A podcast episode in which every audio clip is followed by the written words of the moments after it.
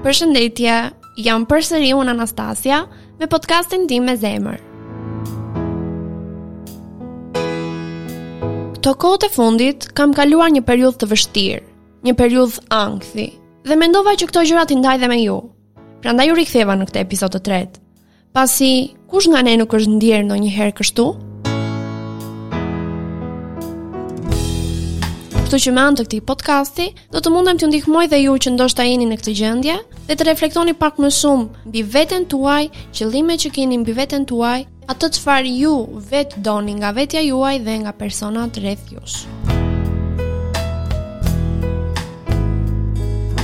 Në fakt, Mendova se nuk do të isha më në këto pozita. Me laps, me letër, duke shkruar. Duke menduar për gabimet e mia dhe për mësimet që mora nga ky vit. Qenka vërtet, që me mbarimin e gjimnazit mbaron edhe shumë gjëra të tjera. Humbet miq, por edhe krijon të rinj. Kupton se jeta jote ka qenë një gënjeshtër. Kuptova edhe një herë që nuk kam fat në shumë gjëra. Tani mendohem, gabimi kam qenë unë apo të tjerët? Vallë është kaq gabim të jesh njeri i mirë dhe i drejtë? Vallë kur do të kuptojnë njerëzit të veprojnë pa djallëzi dhe të japin atë që marrin? Më thonë se jam një njeri që jap shumë, Dhe asnjëherë nuk e marr mbrapsht të njëjtën gjë. Po kur do të vem mend unë ndonjëherë dhe t'i them vete se në këtë kohë mirësia dhe respekti merret si dobësi dhe jo si virtyt. Prej vitesh me radhë jam munduar të jem motivim për të tjerët, të bëj mirë dhe gjithmonë të jem ajo vajza e urtë e cila mundohet të rregullojë çdo gjë. Po këtë vit? Këtë vit e kurorëzoj si vitin e ndryshimit. Viti ku ndryshova unë dhe njerëzit rreth meje. Ah, çudi apo jo. Viti ku pata zhgënjime. Viti ku mësova se në këtë rrugëtim jam vetëm unë dhe vetja ime. Viti ku u përballa me ankthin. E ndonjëherë përballem akoma. Ndjesia më e keqe në botë. Po kush nuk e ka provuar? E po, asnjëherë mos iu beso njerëzve të tjerë përveç familjes. Në fakt, e lehtë ta thuash, por jo të veprosh, sidomos për një person si unë. Mendoni se nga besimi i tepërt u bëra kështu? Ndoshta.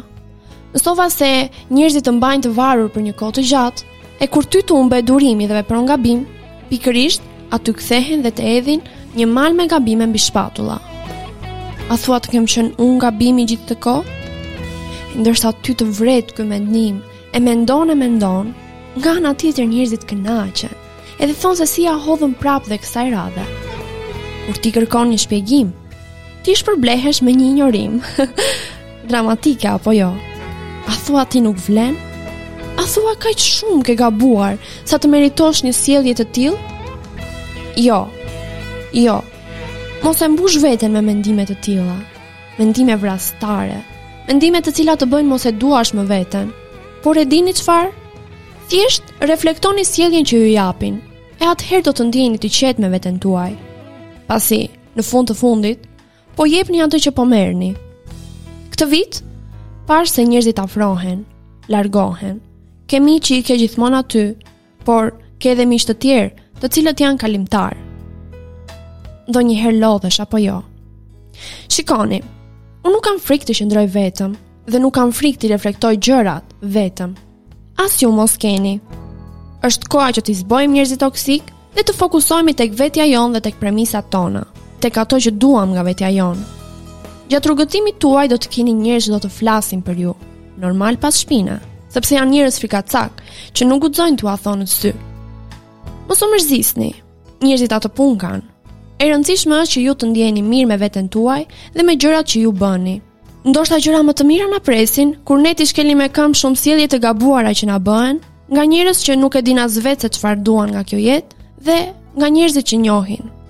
Fokusohuni tek vetja dhe qëllimet tuaja dhe gjithmonë jini mirënjohës për ato çka jeta ju ka falur, pasi çdo gjë vjen me një qëllim dhe largohet Po me një të tillë. Shpresoj t'ju kem ndihmuar sadopak me këto që thashë. Po ju them mirupafshim, sepse jam e sigurt që do të ridëgjohemi përsëri. Pasi ju e dini, unë nuk ju lë asnjëherë vetëm.